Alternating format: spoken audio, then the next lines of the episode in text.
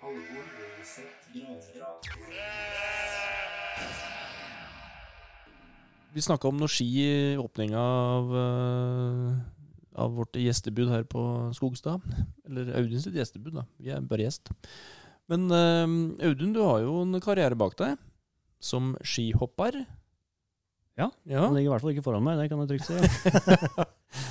Veteranhopp er det noe som heter, da. Ja, eh, det er jo det. Da Ja. tror jeg kanskje jeg må, jeg må nok i hvert fall begynne å finne meg en annen hoppdressgarderobe hvis jeg skal ja. gjøre noe stunt til. Men du var jo ganske eh, ivrig når nå. Er du på hopp? Ja, jeg drev faktisk på til jeg var 4-25. 2008-24. Ja. Var du ikke Når du, du var jo, drev og studerte i USA, har du ikke det?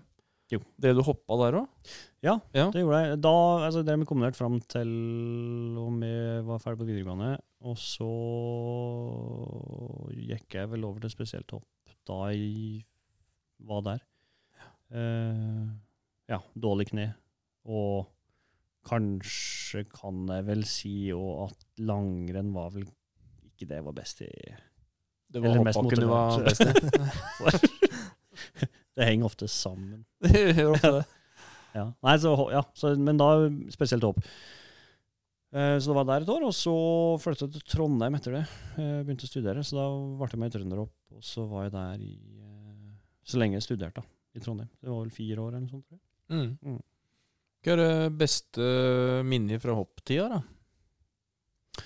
Eller du kan gjerne ta med kombinert òg, men Ja, altså beste minne Det er litt sånn Det er jo eh, Hadde du spurt meg for eh, ti år siden, liksom, så hadde det sikkert sittet litt i muskelminnet ennå. Altså sånn derre De sveva du har gjort, da. mm. Og følelsen. Eh, så kan jeg nok innrømme at det begynner å bli såpass langt tilbake at det er vanskelig liksom, å si eh, men, men altså, det er et eller annet mer eh, De derre lag...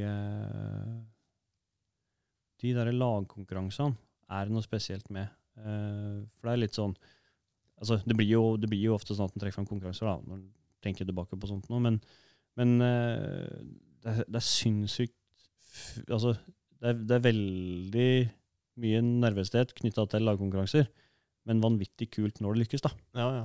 Eh, for det er jo en individuell idrett, samtidig som du trener jo sammen som et lag hele tida. Mm. Eh, så det der å kunne også, Og der var vi egentlig Vi hadde ganske mange bra lagkonkurranser. Eh, der vi var en gjeng som, som egentlig alltid hoppa Fikk ut det beste da, eh, i, i lagkonkurransene. Så det, var, det er sånn morsomt. Ja. Så ja vi, ja, vi tok jo bronse i junior-NM, eh, blant annet. Og så hadde vi flere sånn eh, fjerdeplasser i, i NM òg. Senere NM. Mm. Ja. Lengste du har hoft, da? Lagde det 140. såpass, ja? Hvor da? Eh, Vikersund. Oi. Hvor lang er bakken der? eh, altså, da var den ikke så stor. Altså, da var bakkerekorden bare 220. Ja, nettopp. nettopp. Jo, jo, men 140 du, vi kan 140 meter mer enn oss, da, Halvor. Altså, du skal forsøke å hoppe like langt i en K120 som jeg har i uh, Skivelsbakken i Vikersund. Sånn at uh, Ja, da begynner vi å hoppe bakken der. var- det var jo- Ja. betraktelig morsommere hopp den, gangen når du hopper 140 i en 120 meter. Ja, ja, ja. Men kan vi, 140 i Vikersund. kan vi da si at vi har den som har hoppa lengst på ski? Har du sittet han i sofaen der? Det er vel? det er vel rått anta.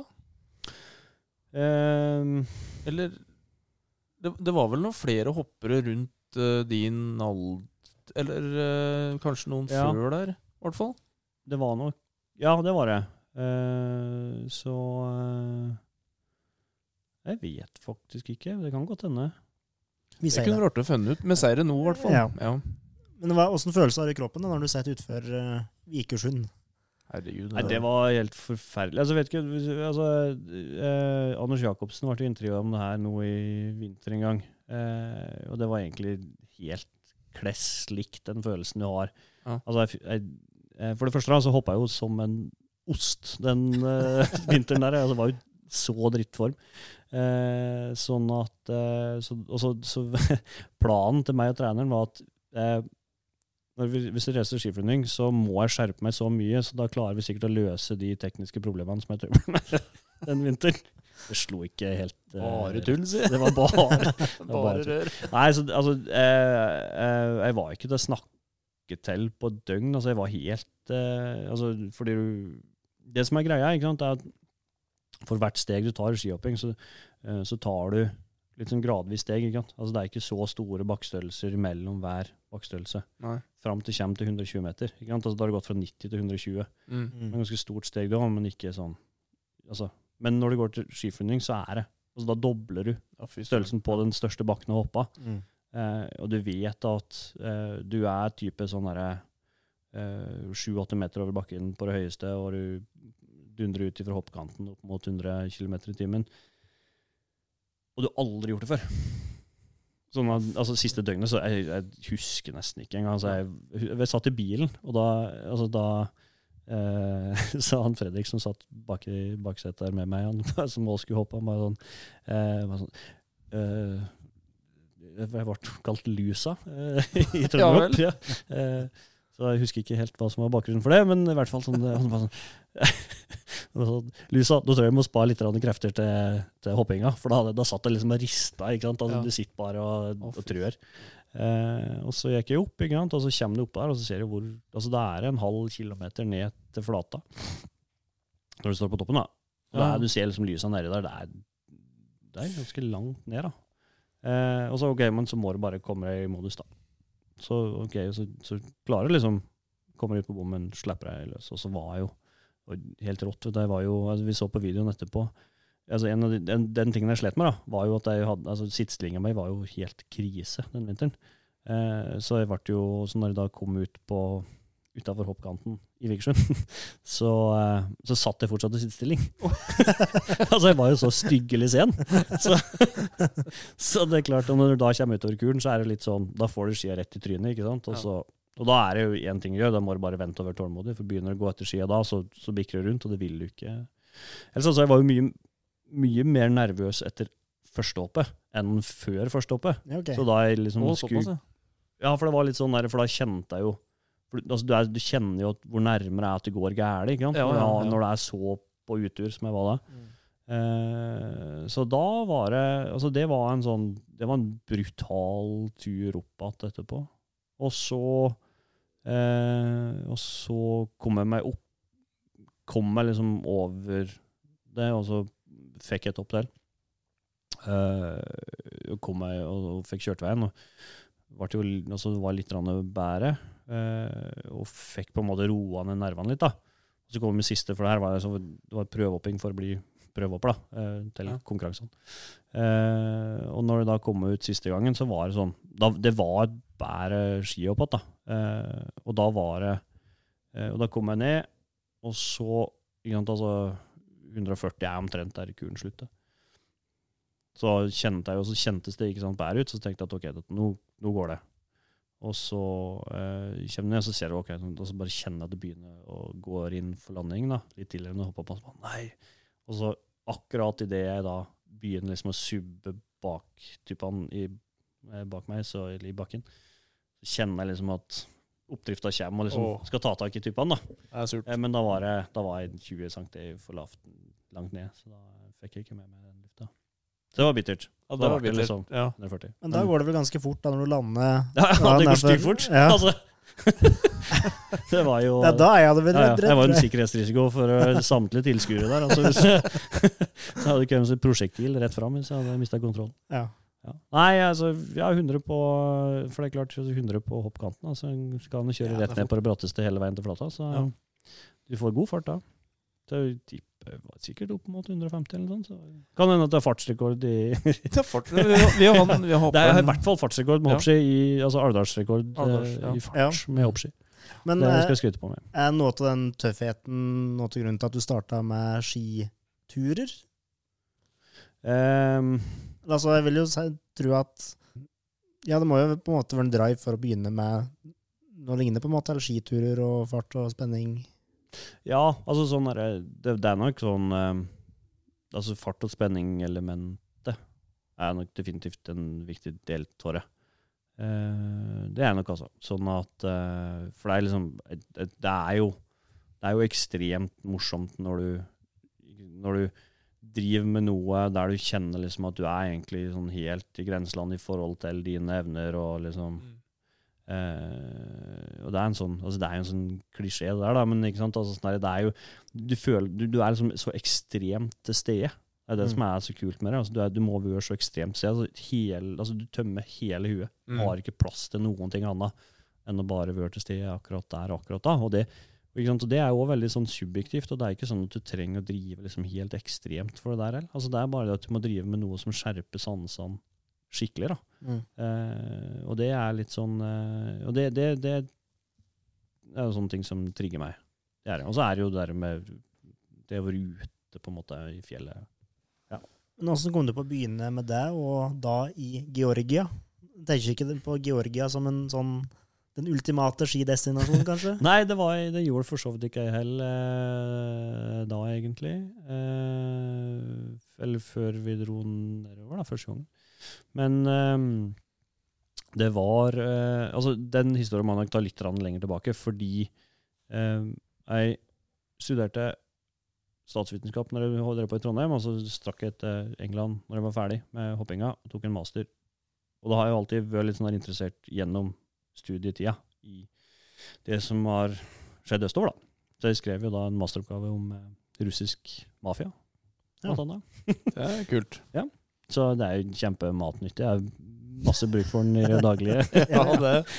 Men det var veldig morsomt, da. Men i hvert fall så det var liksom en sånn interesse for det som skjedde østover. Og så etter det så drev jeg liksom og søkte litt på sånne jobber og sånt. Og så fikk jeg liksom praktikantstilling på ambassaden i Sarajevo i Bosnia. Og dro nedover dit. Og, og da begynte jeg plutselig å skjønne at ok, men altså, østover så er det faktisk sykt mye fjellområder. Eh, som er fantastisk fin. Altså Bosnia er jo et helt rått land. altså Helt fantastisk. Jeg anbefaler alle å dra både til Sarajevo og eh, bruke en god stund der, og så resten av Bosnia hvis den, eh, når ting åpner opp igjen. Eh, men, men i hvert fall så, ja, så drev det på da, da hadde jeg egentlig litt lyst til å prøve å få til noe der. Eh, så var det viktigste delen at det ikke ble noe til det, var at Siri mente at det kanskje var på tide at jeg kom hjem igjen en tur. da hadde jeg vært borte lenge nok.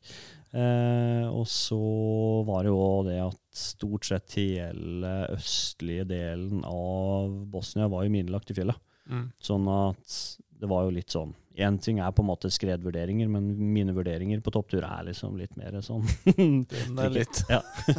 Nei, så da Men så Så, så da, da drev jeg egentlig og dro litt sånn der østover og, og, og um, utforska i noen år der. Og så uh, var det Grunnen til at det ble Georgia, var at vi hadde et møtekart utafor en møterommet.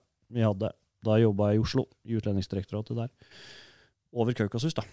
Og da så vi bare Sto og kikka på der og drømte meg bort litt, litt bort i pausene, og så så at du hadde 5000 meter stopper som gikk helt begrenset. Der er rett sør for Elbrus, da. Mm. Eh, og så så jeg at ikke sant, og så ser du sånne små prikker da, som bare sånn Ok, det er en landsby på 2100, ikke sant. Altså, det må jo kanskje være en mulighet for at det kan være noe der. Eh, så da begynte jeg å søke litt rundt, og så traff uh, Senia, som jeg har samarbeidet med helt siden da, og som, eh, som var bortimot den eneste som kunne engelsk, som var å finne på nettet, i hvert fall. Eh, og da var det jo altså, Ja, så dro vi nedover. Og en kompis. eh, og kom dit og var bare sånn der helt uh, trollbønner fra første blikk. Altså det er et eh, helt sinnssykt område. Både natur, kultur, historie, altså folk. Det er ja, helt vilt. Så eh, ja. Jeg har jo uh, snakket litt med broren din her, vet du. Det gjør jeg jo titt og ofte, da. Ja. Jeg lurte på om han kunne beskrive deg litt, da, for nå er vi inne på noe av det han uh, Oddbjørn, broren bror din, har skrev her, da. Mm. Eh, det er langt, vet du. Han hadde god tid, da, tannlegen. ja. Men ei fin lita historie om nåtid som beskriver Audun på en god måte, er hans ønske om å ta med ski ned til det området du prater om, Georgia. Et av de første åra etter han begynte å dra ned hit. Og der mener Audun seg nå om hvordan du er som person, at du virkelig bryr deg om menneskene i de områdene der du har prosjekter, og ønsker at de skal få det bedre. Og da tenker Oddbjørn både på Livestock og Felgenpark og alt mulig. Da. Og det snakka vi så vidt om i stad Mm. det med at du ønsker bedre. Men så kommer historia her. Men altså, Audun fikk det for seg at han skulle samle inn ski til barn og unge for å ta med seg til Svanetid, det er vel det området heter, ja. Og starte et barneskirenn der sammen med, øh, i samarbeid med en lokal samarbeidspartner. Så han Audun han ringte rundt, og bruker sikkert jo Facebook til å skaffe en hel mengde barneski, både langrenn og slalåm fra hele Østerdalen. Og disse skia må jo da samles inn, og en, uh, Oddbjørn skriver at han tror hele familien Lutnes var involvert i den jobben. Og så må det òg lagres, finner Audun ut etter hvert, så da må du finne venner med et tomt eh, småbruk, og der, da var han Hans Rasmussen plutselig inne i bildet her. Og når alt dette er gjort, skal alt sorteres og klargjøres for å bli tatt med til Georgia. Så vidt Oddbjørn husker, så sjekker dere inn en skibag på 30 kg når du tror nedover det året. Kan du Ja, så jeg kan, jeg kan for så vidt verifisere stort sett alt han har sagt her, Bare at den skibagen den veide 50 kilo når vi, når vi kom inn på flyplassen. Greit. Men rennlederen, les Audun står det, hadde også glemt å sjekke hvor tung skibengen kunne være, så dere fikk en heftig tilleggsregning for å ta med skia ned. Men, skriver han, når skia først kom fram, var det stor suksess, og de var med å legge grunnlaget for et barneskirenn som består den dag i dag, skriver Oddbjørn. Og Oddbjørn syns denne historien er ekstra god, for den viser hvordan du, Audun, har klart å sette deg inn i andres situasjon og ønske å gjøre ting bedre for dem på en fin måte. Og en Oddbjørn eh, skriver òg her, om en skal beskrive deg, da, så blir det som en omsorgsfull, kreativ og ambisiøs, uredd og dedikert kar, da. Det var veldig koselig. Så det var jo hyggelige ord fra din tre år, nei, seks år eldre bror, da. Eh, det var, ja, det var veldig trivelig. Eh, jeg må bare få ta en liten anekdote på den der, den der skibagen. Ja. Fordi, for det, altså Den ble jo 30 kilo til slutt, men det som var greia, var jo at eh, altså vi drev og sendte, altså tok med nedover vendinger og drev på skulle, altså sendte til folk som da skulle ta med nedover, som kom fra Norge og ned og sånn. da. Ja. Eh, Og jeg var jo, altså jeg tror var, altså var, Lengste jeg var ned, var ned til Flisa og henta noen ski, tror jeg. og blant annet så var jeg innom Ørnsø fra Elverum. Han hadde øynene sitt snitt og bare kvitt seg med noe drit på låven. Altså. jeg kom hjem igjen med en hel sånn karavelle fullt av ski som, ikke, som går rett til Fias.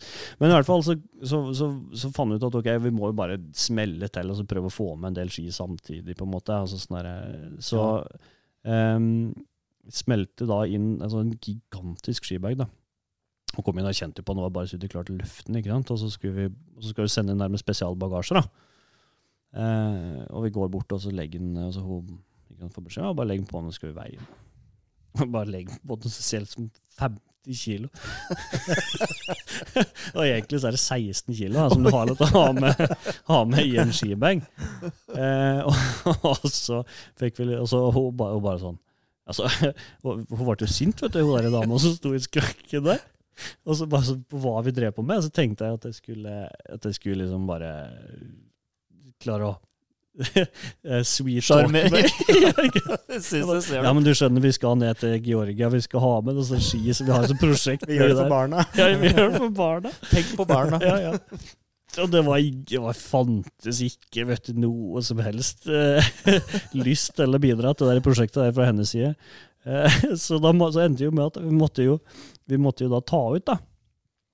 Eh, så og så mye ski, så vi var liksom på og Siri var jo der, og hun kjørte oss utover, så hun, hun dro tilbake da med en 20 kg tung eh, skibag. Men så kom vi i hvert fall ned til Men så kom vi i hvert fall ned til det der vekta som vi hadde lov til å ha med. Og så, og så setter vi på bånd, og så setter vi på den der bagtagen, og så sier og så bare ser på meg og sier Hvis du prøver deg på det her en gang til, skal jeg kaste deg rett utover flyplassen!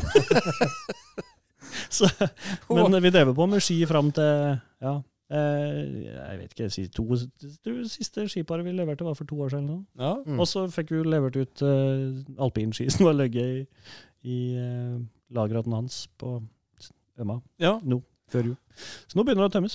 Men, men det er også et barne, barneskirenn som arrangeres i området? Ja, det som er greia, for det, det har altså, Der er ikke Det er ikke mye ære i det hele tatt. Altså, for det er, eh, det er en nordmann som driver et hotell i eh, Svanetti, som Ja. har starta det, som har startet det skirennet og gjort hele greia der. Så jeg har bare vært med på å få med ski nedover og prøve å fordele ut og, og den biten der, altså. Men skirenn og alt, det er jo han eh, Richard, som, som er hotelleieren der, som Ja, akkurat. for. Men bor dere på det hotellet? Når Jeg var innom det, ja. Ja, men dere har òg bodd ganske kummerlige forhold, har jeg sett noen bilder av? Ja, ja. Altså, Ja. vi har um, uh, Vi er på tre-fire forskjellige landsbyer da, i løpet av en sånn åttedagerstur. Uh, så da bor vi på alt fra familiedrevne gjestehus og hotell og sånt nå, til hos en privatfamilie. familie. Ja. Som er jo Ja, nei, nå er vi i feil hus, skulle jeg skulle ikke vise bildet, men eh, han er jo ikke her. Han er i andre huset. Eh, han sjefen i familien, som heter Tengo. Le levende legende. Eh, så da bor vi hos en privatfamilie, og så bor vi hos Richard da, nordmann siste natta. Som er jo et, ja, egentlig et familiedrevet hotell. Ja. Ok. Åssen er levestandarden da, 2000 meter over uh, havet? Eh, altså nå, nå har det skjedd så ekstremt mye i løpet av de ti åra som jeg har vært der. Da, sånn at eh, eh, altså, det, det var jo egentlig veldig, på mange måter veldig tradisjonelt. Altså Mm. sånn der, Du har landsbyer som driver eh, jordbruk på en veldig tradisjonell måte. altså Der er det, eh, der er det fortsatt okse og hest som, som drar. ikke sant, altså Det er nesten ikke noe industrialisert i det hele tatt. Eh, så de har, altså alle har en eller annen form for sjølforsyning, da, stort sett. Stort sett alle er sjølforsynt i, i eh, landsbyene der. Eh, så sånn sett veldig tradisjonelt, da. Samtidig som at det er jo ikke sant, altså, De sitter her med smarttelefonen sin. ikke sant, altså De sitter her med to parabolantenner og får inn uh, såpeoperaer fra Tyrkia som de sitter og ser på hele vinteren gjennom. For de, Ja. de, de har liksom ikke så veldig mye annet å drive med på vinteren da. Uh, og, og ikke sant, altså, de får inn absolutt hele verden. De er fullstendig påkobla hele verden, Ja, samtidig som at eh, resten av samfunnet rundt egentlig framstår som ekstremt tradisjonelt. da. Det er jo vanvittig kontrast, da. Ja, veldig spesielt. Altså, Fattern var med nedover, og han, for han var helt eh, Altså, Jeg var jo litt vant med det òg, ikke sant. Altså, sett det også litt i Bosnia og, og sånn òg, men eh, for fattern så var det helt spesielt. For, ikke sant? Altså, for han så var det jo altså, For det første, så han, han opplevde jo jordbruk som egentlig ble drevet på en måte som var eldre enn det han vokste opp med. Ja. Mm. Og så samtidig så kom vi inn og satt og så på eh, Rihanna på, på Ja. eh, musikkvideoer, ikke sant? Nei, helt- Og så sitt, og, så sitter på, og da sitter du på en isolert landsby eh, på 2000 meter over havet. Eh, det er litt sånn Det, det, er, det er helt, helt merkelig. Eh, Ja. nå, har, ja, som sagt, nå, er, nå er det på en måte mye mer som har skjedd Det er sånn at det har vært en modernisering av hele samfunnet her da, over tid. Men, men det er veldig, veldig rart. Men far din, eh, du nevnte han, ja. Han eh, med infeksjon og bilder eh, oppe i Lutenesheimen, eh, at, at han var der på sommeren, stemmer det? Mm, stemmer det. Han skrøt veldig av området på sommerstid, han. Mm, ja, ja, det er helt fantastisk. Altså, egentlig så er jo Georgia er jo egentlig et sommerferieland. Ja. Altså, Georgia var jo den store feriedestinasjonen i Sovjet. De har Svartehavet. Mm. De har hele Svartehavet kystlinja der. ikke sant? Sånn at de hadde jo alle altså alle i kommunistpartiet hadde jo en sånn dacha, sånn uh, sommerhus, Ja. Ja. i, uh, i Georgia. Eh, eller i det som nå heter Abkhasia, som er eh, langs eh, som er en utbryterrepublikk, da, men som, som ligger ned mot Svartehavet. Eh, så de hadde jo det, og så hadde de jo vin. Og så når du snakker om sovjetisk kjøkken, Ja. så er det stort sett georgisk. Akkurat. Eh, sånn at når, når de skulle ut og kose seg og liksom feire noe, da dro de på georgisk restaurant. Ja. Eh, og så har du fjella, eh, og, og altså masse kultur og kirker. Og, ja. Det er et land som er betraktelig mindre enn dagens eh, Viken, eh, som Ja. har eh, et subtropisk klima helt i vest. De har isbreer og 5000 meterstopper, eh, tre timer nord for deg. Og helt i øst så har de semiørken. Mm. Og alt imellom der. Altså sånn at Det er et ekstremt spennende land. da. Ja. Yes. Men er det mye rester etter fordums tid og kommunisme og Sovjet? Nei, veldig lite sovjetisk, egentlig. Ja. Georgia var aldri sånn kjempeberørt av Sovjet. Eh, altså i, sånn, i, I deler av Tiblisi og noen av de større byene.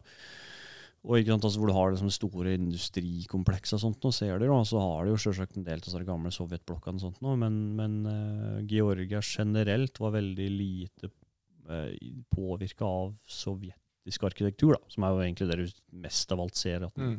Mm. Men uh, det, det er kun vinterturer du skiturer du arrangerer dit, eller? Ja, så skulle vi Ja. egentlig ha sykkeltur i uh, fjor høst, Mm. første. Eh, da skulle vi til Vindistriktet og ha sykkeltur der i, uh, i uh, Men eh, det gikk jo Ja, ja, det gikk jo ikke. Men, eh, men det er, vurderer du på en måte utvide mer dit når alt dette koronaopplegget på en måte roser, eller? Ja, egentlig. Altså sånn der, Georgia er jo litt sånn Det er litt sånn andre hjem, så det er vanskelig liksom å gi slipp på det. Det blir litt som livestock, det òg. Samtidig som at eh, Det er klart, altså Nå fokuserer vi jo egentlig først og fremst på det som er her. I Alvdal og omegn og Norge. Eh, og så får vi se litt hva som skjer med utenlandsturer. Når ting hva, når, når du vet hva den nye normalen blir. Ja. Det er noe der òg. Men eh, jeg tror jeg spurte, spurte om det før, men åssen type folk er det som blir med til Georgia? Er det uh, folk fra Norden? Er det sentraleuropeere? Er det østeuropeere?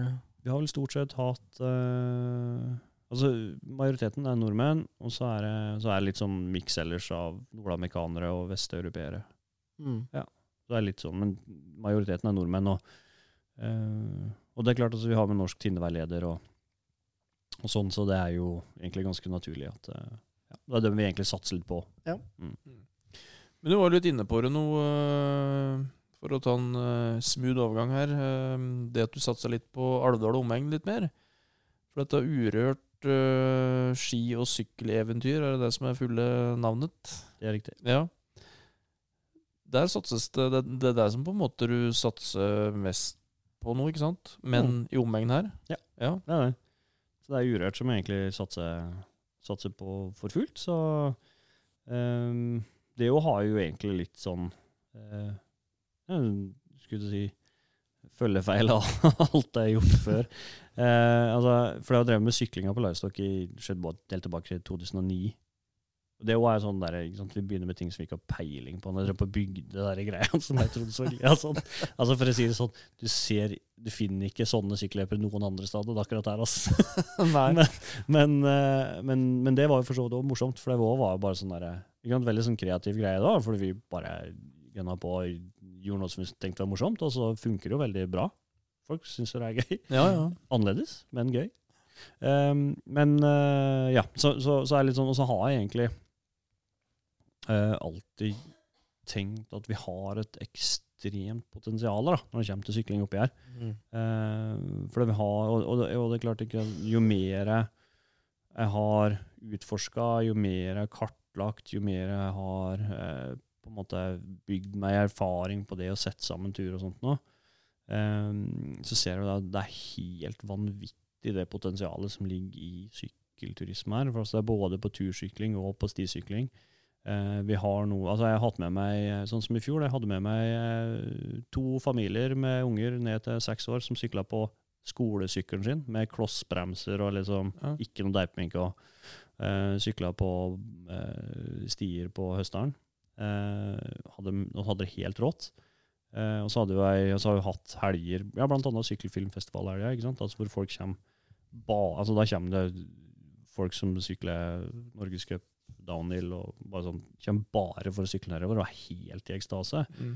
Sånn at du har en ekstrem bredde, og små er vanvittig kompakte.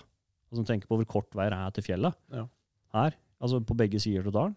Altså, sånne, du, fra, fra Steia så er det rett opp i ikke sant? Altså opp på Sjursvangen, Setergrenan, Trond. Eh, og, og fra plassen så er det rett inn på Høstdalen. Og, og sånt noe. Det samme er jo altså fra Steia til Høstdalen. ikke sant? Det er jo egentlig ingenting. Nei, ja. Eh, så det er, og, og, nei, det er helt vanvittig det vi sitter på. Men du må jo være vanvittig mye på tur på egen hånd for å oppdage alle løypene og sånn. Ja, jeg har en del timer i fjellet. Det tar jo litt tid å liksom, eh, hva skal det, katalogisere alle løypene. Ja, det har jo vært eh, Det har jo tatt sin tid, det.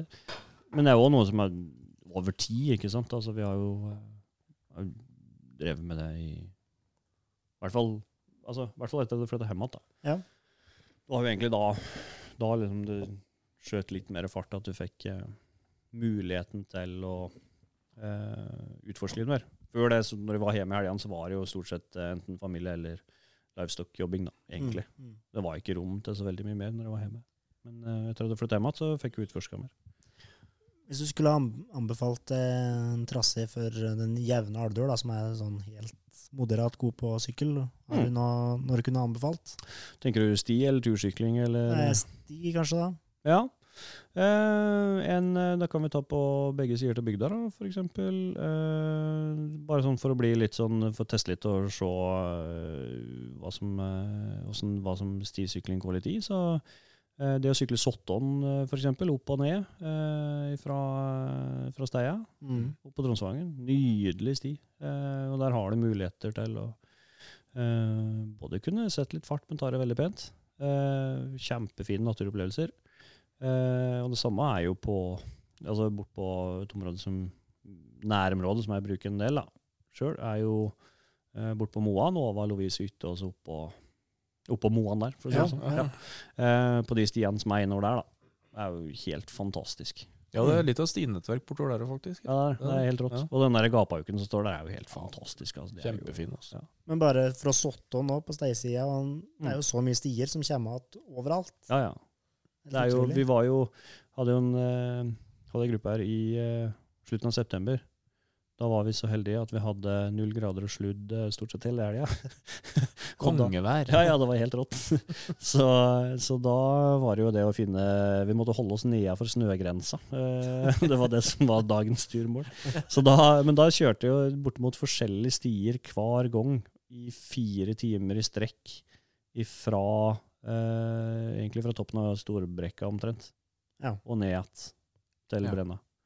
Eh, så det er jo altså det er vanvittig mye stier rundt omkring. Altså vi hadde oppte jeg hadde en opptelling på, på her i fjor høst. Eh, bare sånn stier altså Da snakker vi virkelig sånn egentlig kremsykkelstier som er Mm. kartlagt. Og da var det innafor altså radius på 10 km herifra, fra Skogstad, men egentlig nesten hvor som helst i bygda, da var det over 250 km med sykkelstier.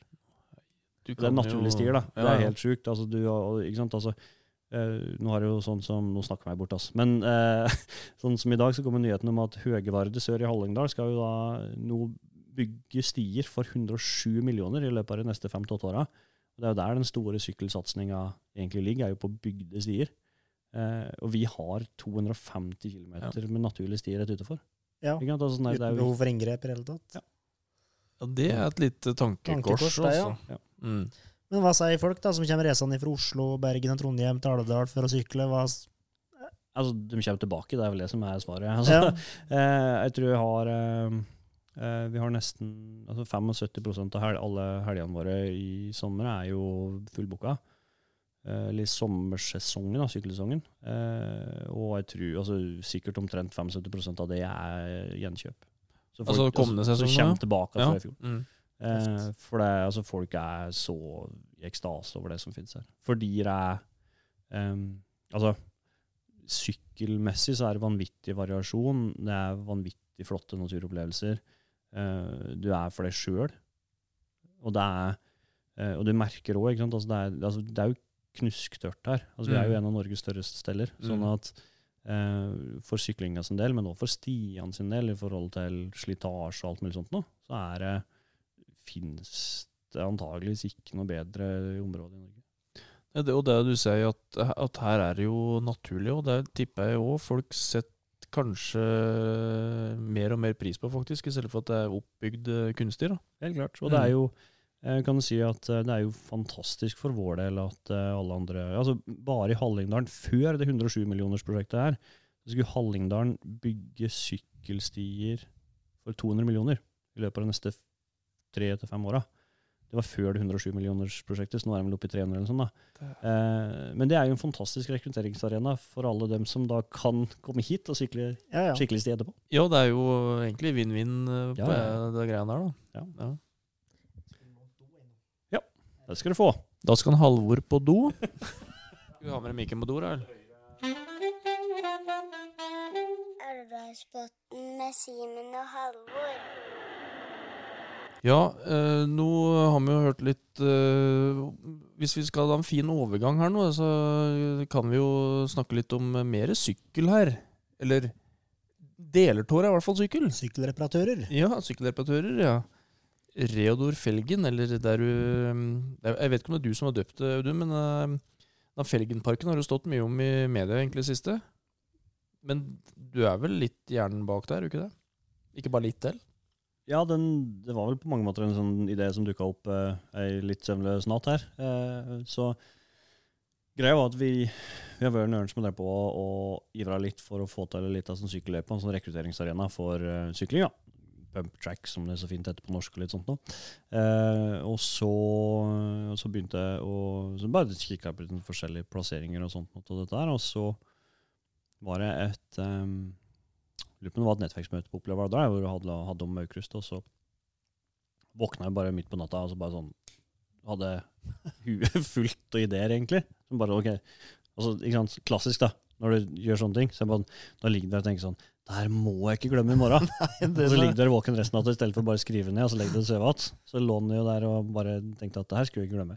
Uh, men, men altså, greia var jo som altså sånn For det var nok òg litt sånn derre uh, altså, Ikke bare litt, altså, det var jo òg ideer som liksom Tanker sånn fra tida da jeg jobba med Aukrust sjøl. Som på en måte Noen sånne bobler som sprakk underveis eh, der, som, som liksom kom tilbake.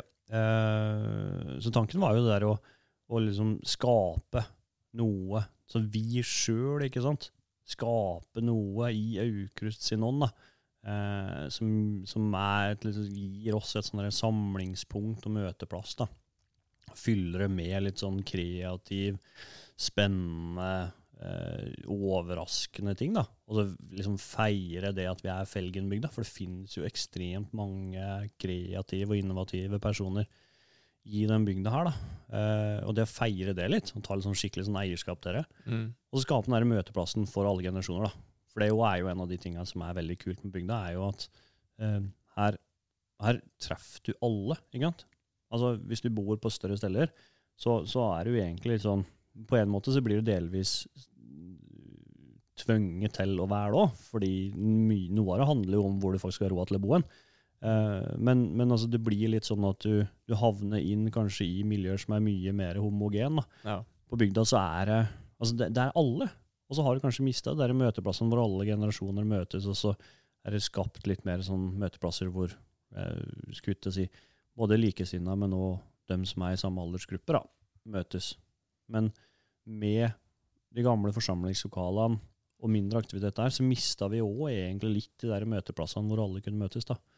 Eh, så, var der, så da ble det litt det der med ok, eh, ha litt sånn der fart og galskap med sykkelløyper og Emanuel Desperados og Svaan Gundersen og sånt nå, men, men, men få inn, ikke sant, altså eh, Krokryggens lekegrind, ikke sant.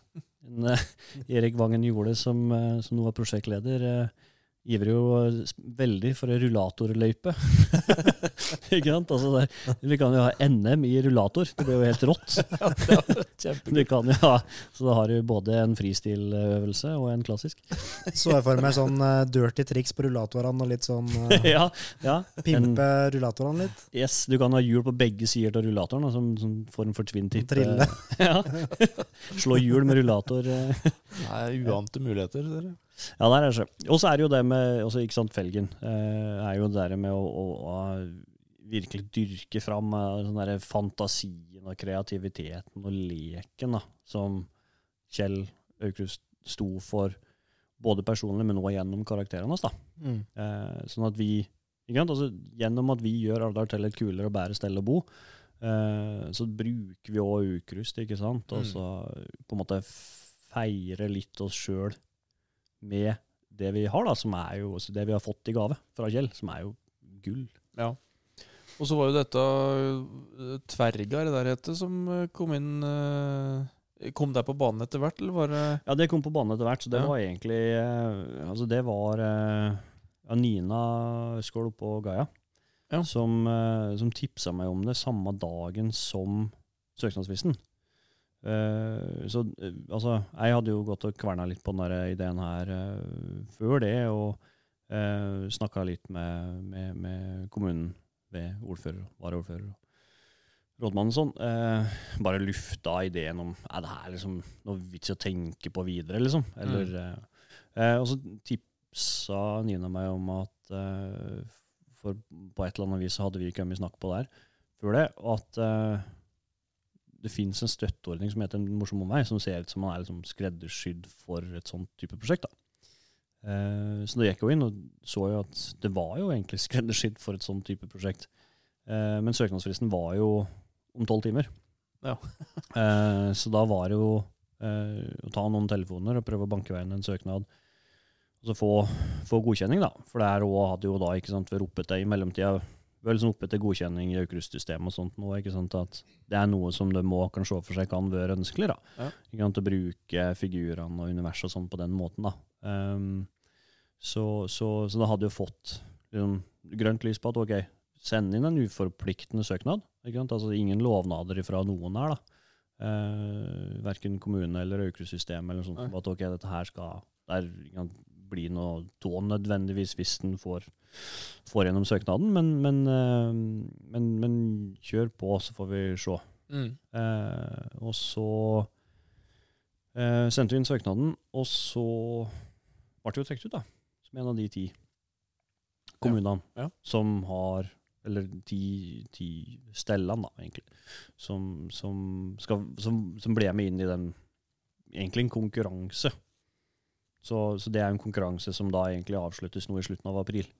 Eh, Da skal, da skal den velge ut seks til åtte prosjekter da, av de ti som får lov til å være med videre.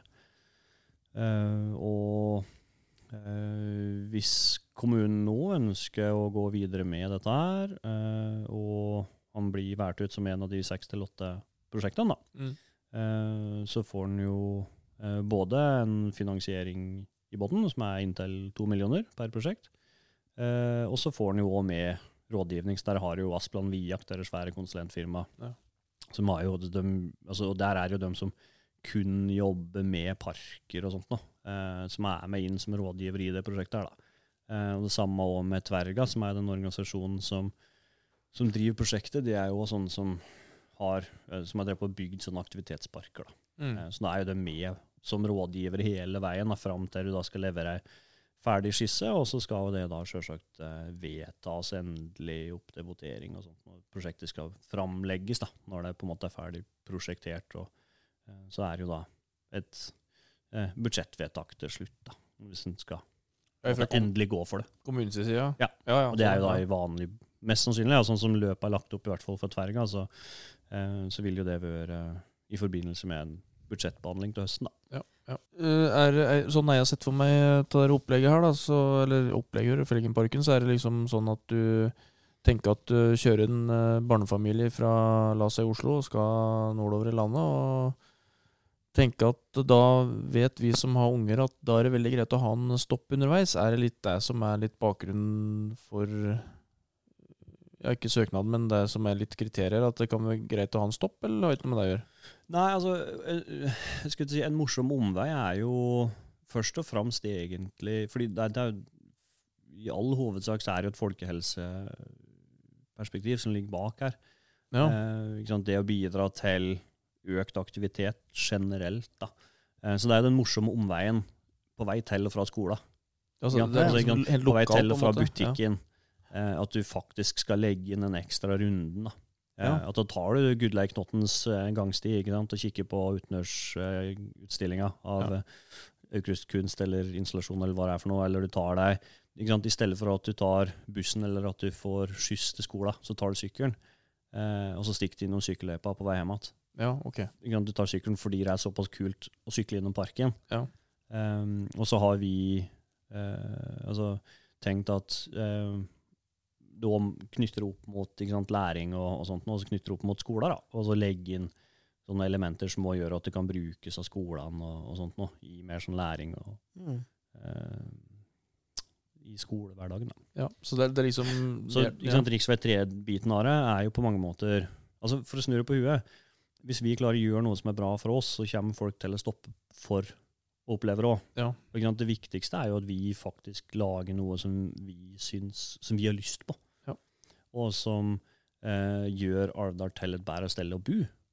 Altså Det er jo det som er målet. Altså Hvis, ikke er, hvis vi ikke ønsker det, eller det ikke, eh, ikke på en måte eh, ser at eh, det er noe sånn voldsomt behov, eller hva det er for noe, så, så, så, så er det jo for så vidt helt, helt greit. Men Mm. ønsker vi å gjøre det, så gjør vi det på en måte som gjør at da blir det bra for oss. Og da kommer folk til å stoppe. Ja. På grunn av òg. For det er klart ehm, Hvis du tenker Trondheim-Oslo, uh, uansett hvilket dalføre du kjører i, uh, så finnes det jo ingen andre steder hvor du kan stoppe, du kjører ei avkjøring, kjøre ti meter, parkere bilen, slippe ut ungene, og så har du en helt trygg Ja. lekegrind for ungene Mm. fullstendig billøs. Ja. Du kan gå altså du, Vi har krysset to veier hvis du får opp fotgjengerfelt. Over ved Kvenbekken, eller ved Gamle Misjonshuset. Og så før du videre oppover, og så opp til Kvenbekken lenger opp der. Så er det inne på stinettet som kan ta deg opp til Trondtoppen og til utlogget. Og, det har du ikke, og da er du rett ute på tur i marka. Uten å være i nærheten av en egen bil. Ja. Nei, ja, noen kjørende fartøy, for å si det sånn. Eh, og det er klart altså som småbarnsfar, så det å liksom åpne dørene, slippe ungene ut, la dem springe, Ja. Altså midtveis på ei transportetappe. Mm. Uten å Nei. måtte hele tida føle meg, liksom. Ja. På, på et vis, da. Ja. Så det er jo litt sånn, det er jo den, kan du kalle det liksom den store gulrota, hvis vi klarer å få det til på en god måte da. Men uh, Spennende. er det tenkt bare sykkel, eller er det tenkt uh, klatrevegg, uh, halfpipe, noen bare sånne eksempler? Eh, altså, Den skissa som vi legger fram nå, da, det er jo eh, Der har vi lagt inn litt forskjellige typer aktiviteter som eh, Som eh, eh, skal favne litt sånn bredt, da. Men jeg kan jo bare ta det som er lagt inn her. Altså, det ene er jo en, en sånn pump track, som det heter, som er egentlig en asfaltert eh, sykkelløype. eh, med liksom tilhørende skatemuligheter. Sånn at du kan ha en kombinert sånn skate- og sykkelløype. Ja. Bare, Eller sånn for, kuleløype kan du vel egentlig se for deg, med doserte svinger og for, for de eldre lytterne og Ja. meg, meg sjøl. Pump truck. hva, hva, hva, hvorfor heter det det, skulle jeg si? Altså, eh, det, altså, det er fordi du skal pumpe, ikke sant? Altså, sånn det, er, eh, det, er mange, altså, det er mange kuler etter hverandre. ja. Du kjenner jo på den der følelsen hvis du sykler eller kjører bil, eller hva det er for noe, at du får, sant? Du får hjelp av dempinga. da. skjønner. Eh, og det, det, vil jo, det er jo da om det er på sykkel eller rullator eller eh, eh, sparkesykkel eller skateboard, så er det en litt sånn derre lekeløype, kan en vel kalle det. da. Ja. Um, og det er jo en sånn si, Det er jo sånn klart definert eh, anlegg, da, sånn sett. Uh, og så har vi jo uh, tegna inn da, ei sånn uh, mer sånn ren sykkelløype uh, som går liksom i terrenghøydene, da. Det, Ja. Langs Etterdalen. eh, som en mulighet. Og så har du jo Krokhaugens lekegrind, og det er jo type sånne eh, lekeapparater, aktivitetsapparater og sånt noe. Treningsapparater, eh, ikke sant. Altså sånn balanse. Eh, rett og slett bare sånn, kall det litt kul seniortrim. Ja. Eh, men ikke sant, altså, du har jo òg Vi ser jo og tenkte at det kanskje kan være mulig å få til en badekulp. Du har hatt en sandvolleyballbane ute der. Den kan fort hende at den òg kan få lov til å gjenoppstå. Mm. Eh, jeg vet jo at eh, Frivilligsentralen, eller uh, ildsjeler rundt Frivilligsentralen, har jo òg vært ønska å få til ei sånn eh, Jeg kaller det boccia, men det er vel egentlig ikke det det heter. Men sånn bollspillbane, Ja. ikke sant? Mm. Bulls, er det det heter? Ja, jeg lurer på om det er det. Som de må har ha tenkt, og, I utgangspunktet tror jeg egentlig har tenkt opp på flata der, men som sant, altså, Det blir jo inne i samme område uansett. Ja. Um, så har vi turstier, som, som vi, i det prosjektet som vi legger fram nå, egentlig bare tatt ut fordi det er en ganske sånn stor kostnad med asfaltering og sånt nå, av de Mm. turstiene. da. Men at den skal ha Det finnes jo allerede en etablert trasé på østsida til Kønbekken Mm. som er rydda nå. Uh, blant annet dugnadsgjengen i Frivilligsentralen og, og aktivitetssenteret, som er kjempefin. Da Da får du fram bekken og sånt nå. Og så jo, har hun tenkt at ok, da kan du lage en sånn eh, tursti da, med sant, altså, kunstutstilling som kan være aukrustmalerier eller tegninger da, som kan stå ute, eller installasjoner f.eks., som kan være der. Um, og så har vi òg tegna inn, eller funnet eh, eksempler da, på installasjoner som kan være mer sånn parkelementer. Eh, sånn som det er blant annet et sånn energihjul. eh, som er rett og slett en sånn leke, en hamsterhjulleke. Ja. Og Der lagrer du din egen strøm, så der er det faktisk mye kontakt i andre enden, så du kan lade telefonen din. Men, så, eh, så da må du bare få en lillesøster eller lillebror til å, det- til å bli med ned i Felgenparken for å lade telefonen hvis det er strømløs. Eh, og det er jo litt sånn kombinasjon leke og pedagogisk greie. Og så er det jo, har vi òg noen sånne eh, andre mer sånn, mer sånn tekno Som hun kaller det? Teknoparkelementer, da. eh, som er mer sånn eh, det her er jo veldig sånn engelskspråklige ting Ja. som vi har bestilt. Da. Sånn, det, jo, kall det, det kalles jo gamification. Altså du har eh, Du, du ehm, eh, I utgangspunktet det med å lage altså du, på en måte spill og sånt noe. Eh, jeg tror jeg starter i andre enden. Det som vi har, i hvert fall har bestilt, det er ikke bestilt, men lagt inn, som mulig det er en sånn eh, DJ-boks. Sånn utendørs DJ-boks som kan stå ute. Eh, Så der kan du ha liksom snurreplater og sånt nå. Eh, og så har du et sånn lekestativ av noe slag som er eh, rett og slett sånn memospill. Sånn, Med sånne stolper, da. Altså Det her er veldig vanskelig å forklare noe skjønner Ja, som gjør at det gir mening. Men, Jo, men altså, jo. poenget er liksom kombinasjon lek, læring. Eh, prøve å få inn teknologi i det hele, og få inn felgen og sånt nå. Og så det er dette her eksempler på ting som man kan gjøre. Jo, og så er det jo litt sånn vassleker og sånn. Altså, du har jo bekken der, så uansett om, om på en måte han ikke bruker bekken som sådan, så har du ikke sant, det å lage sånne vassrenner og, og sånne der, Det med bevegelig vann er jo fantastisk i seg sjøl. Bare det å lære litt om hva skjer hvis du stenger den slusa. Ikke Mm. sant? Så det finnes jo en del sånne ting som gjør Kjempefint for skolen. Jo, også Ludvigs villnis, det må jeg jo si. For det er jo, altså naturtilstanden til Kvenbekkdalen, det er jo villnis. Eh, og der finnes det jo faktisk veldig mye morsomt, da, hvis en går litt sånn innpå det. Eh, så det er jo kanskje den billigste installasjonen av alle, for det er i postkasse med forstørrelsesglass. Så da kan du bare gå finne et forstørrelsesglass og begynne å utforske litt hva som finnes Ja. i villniset.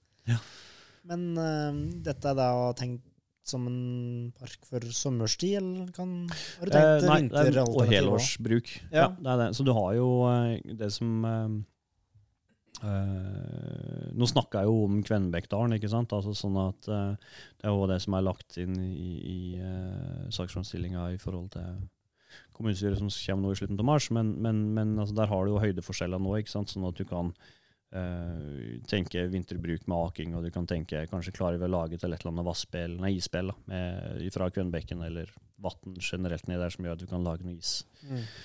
Ismuligheter. Eh, har vi kommet med et forslag selvsagt, om eh, offroad eh, skøytebane på Kvenbekken. så, så det er jo Det er det er muligheter der. Nei, så det er jo tenkt helårsbruk. Og så er jo, så er jo noe med eh, hva slags eh, område han, han sitter med til slutt, i forhold til hva, hva som er mulighetene på, på både sommer og vinter. Tenker du da på ja, fra Kvennebekken fra veien og oppover, eller tenker du da på andre siden av veien òg? Eh, vi tenker egentlig på begge sider til veien. Altså Ja. Sånn at du har um, du kan, altså nå, nå er det jo eksisterende tursti, eller altså gangveier, da, eh, på vestsida til Grønbekken. Mm. Sør-vestsida. Eh, så tanken er jo altså, nå er, og, og du har jo bruene der eh, allerede, og så har du traseen som går på østsida.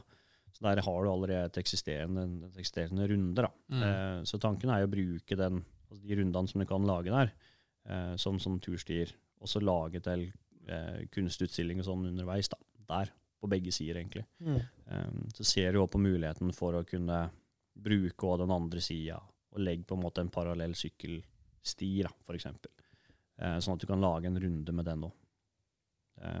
men alt dette er jo veldig altså for å si sånn, Alt det vi presenterer, er mulighetsbilder. Ja. ikke sant? Altså sånn der, eh, så det er jo det som er skummelt med å bli veldig konkret òg. Altså for det, hva det i så fall kan bli til slutt, det, det er ganske langt fram i løypa før en kan si noe om det. Men, men mulighetsbildet i forhold til hva du kan gjøre med å lage litt sånn kreativ aktivitetspark Mm. i Aukrust og Felgenon, er jo enorm. Og så er jo um, det som er neste steg nå, Nå snakker jeg som om dette her skal på lufta før eh, kommunestyret den 25. mars, men det vet jeg ikke om det skal. Nei, det Men for alle som da har fått vedtaket, eller ikke har fått det. Nei, men i hvert fall så er jo greia er jo at uh, uh, neste steg nå er jo Altså er kommunestyret med på å ønske å gå videre med det, uh, så er jo en medvirkningsfase som skjer nå, neste. Eh, og vi ønsker jo at alle Vi ønsker å involvere alle. Vi ønsker at alle liksom skal føle at eh, de kan komme med sine ønsker og tanker og ideer. da. Mm. Mm. Så det er jo Det skal jo skje før den konkurransen, forhåpentligvis, da. Så må vi bare se litt hva vi klarer å få til i forhold til restriksjoner og sånn med korona og sånn, da. Ja. Noe, mye kan vi gjøre digitalt, men noe har vi òg planer om å gjøre fysisk, da. Mm. Utrolig spennende prosjekt. Og det, dette går litt inn i det, det bror din eh, Det vi leste opp i stad fra Oddbjørn. At eh, du, du ønsker på en måte å skape noe som er til nytte og gjør det det Oddbjørn skrev, bedre for andre. Og dette her med folkehelse og og at eh, folk i Alvdal skal få et tilbud som gjør eh, hverdagen kanskje i Alvdal enda litt bedre, det er jo det er jo helt i ånden til den Oddbjørn eh, beskrev det som. da. Det er jo det som er morsomt. Altså, Ja. det, er jo, sant? det er jo morsomt å se på. Ok, men hva kan vi gjøre for at ting skal bli bedre? Mm. Det er jo veldig kjedelig andre veien. Hva kan vi gjøre for at ting kan bli verre? Vi har det Altså, bra. det er jo, Ja, da, har hun indre sadis, så er det muligheter. ja. For noen så er kanskje det drivkraft. Nei, men altså, det er, det er jo noe med eh? Altså, vi har Det er litt sånn Vi har så ekstremt mye som er bra i Alvdal. da. Altså, det er helt fantastisk altså, når en tenker over hva vi faktisk har. Sånn at, og det er jo et vanvittig utgangspunkt. ikke sant? Mm. For da kan du tenke på ok, men hva er vi kan altså, for? For, for noen så vil jo det å kunne altså, Vi har Aukrust da, og Felgen til Julen og sånt nå. ikke sant? Altså sånn der, eh, Alle de andre eh, som er med i de prosjektene her, de er jo supermisunnelige på oss. ikke sant? Ja, ja. Fordi vi har det i utgangspunktet. Vi har Aukrust, og så har vi veldig mye kreative og driftige folk som tenker Alle kan liksom spille på hverandre da, og hjelpe hverandre. Så jeg, jeg syns det er kjempeartig tider eh, å bo i Alvdal, for det er liksom, Ja. det plopper opp så mye flinke folk, og ja, alle vil liksom bygda sitt beste. Det er så artig. ja, det skjer utrolig mye på Alvdal, altså. Det Ja. er helt rått. Dette har vært gørrtrivelig å være her og prate med deg, Audun. Det må jeg bare si. Og vi kunne, mm. kunne ha sittet kjempelenge, for vi har jo på en måte bare vært innom sånn Ja, i liten grad det er egentlig alt du står for å drive med, men uh, Kanskje blir en sånn sidepodkast, dette her. ja. Jøstensen Lutnes-kasten. Uduns kreative hjørne. Ja. Jeg tror kanskje jeg kan holde dere til Alvdalspodden. ja, eh, publikum hadde avstemning her, og dem var enige. Etter håndsopprekning fikk du null stemmer. Ja. Ja, men tusen takk for at du ville være gjest. Vi har jo spurt deg før, og det var først når det passa, så du har jo vært stått på lista vår lenge. Så artig at vi endelig fikk prate med deg. Veldig Det var trivelig å få være med. Veldig artig. Fra Eidsvoll med frigjøringsverket, til Hamar med domkirkeruinene, frem til, til, til Elverum med klesfengselet, til Rena med kartongfabrikken, til Koppang med togbytte og 20 minutters opphold i restaurant. Til fingerens danse på den ørvesle fluelorten som heter Alvdal, som ikke har noen ting de vet om, kanskje. Men én ting vet de vi har. Elvdalsbotn med Simen og Halvor.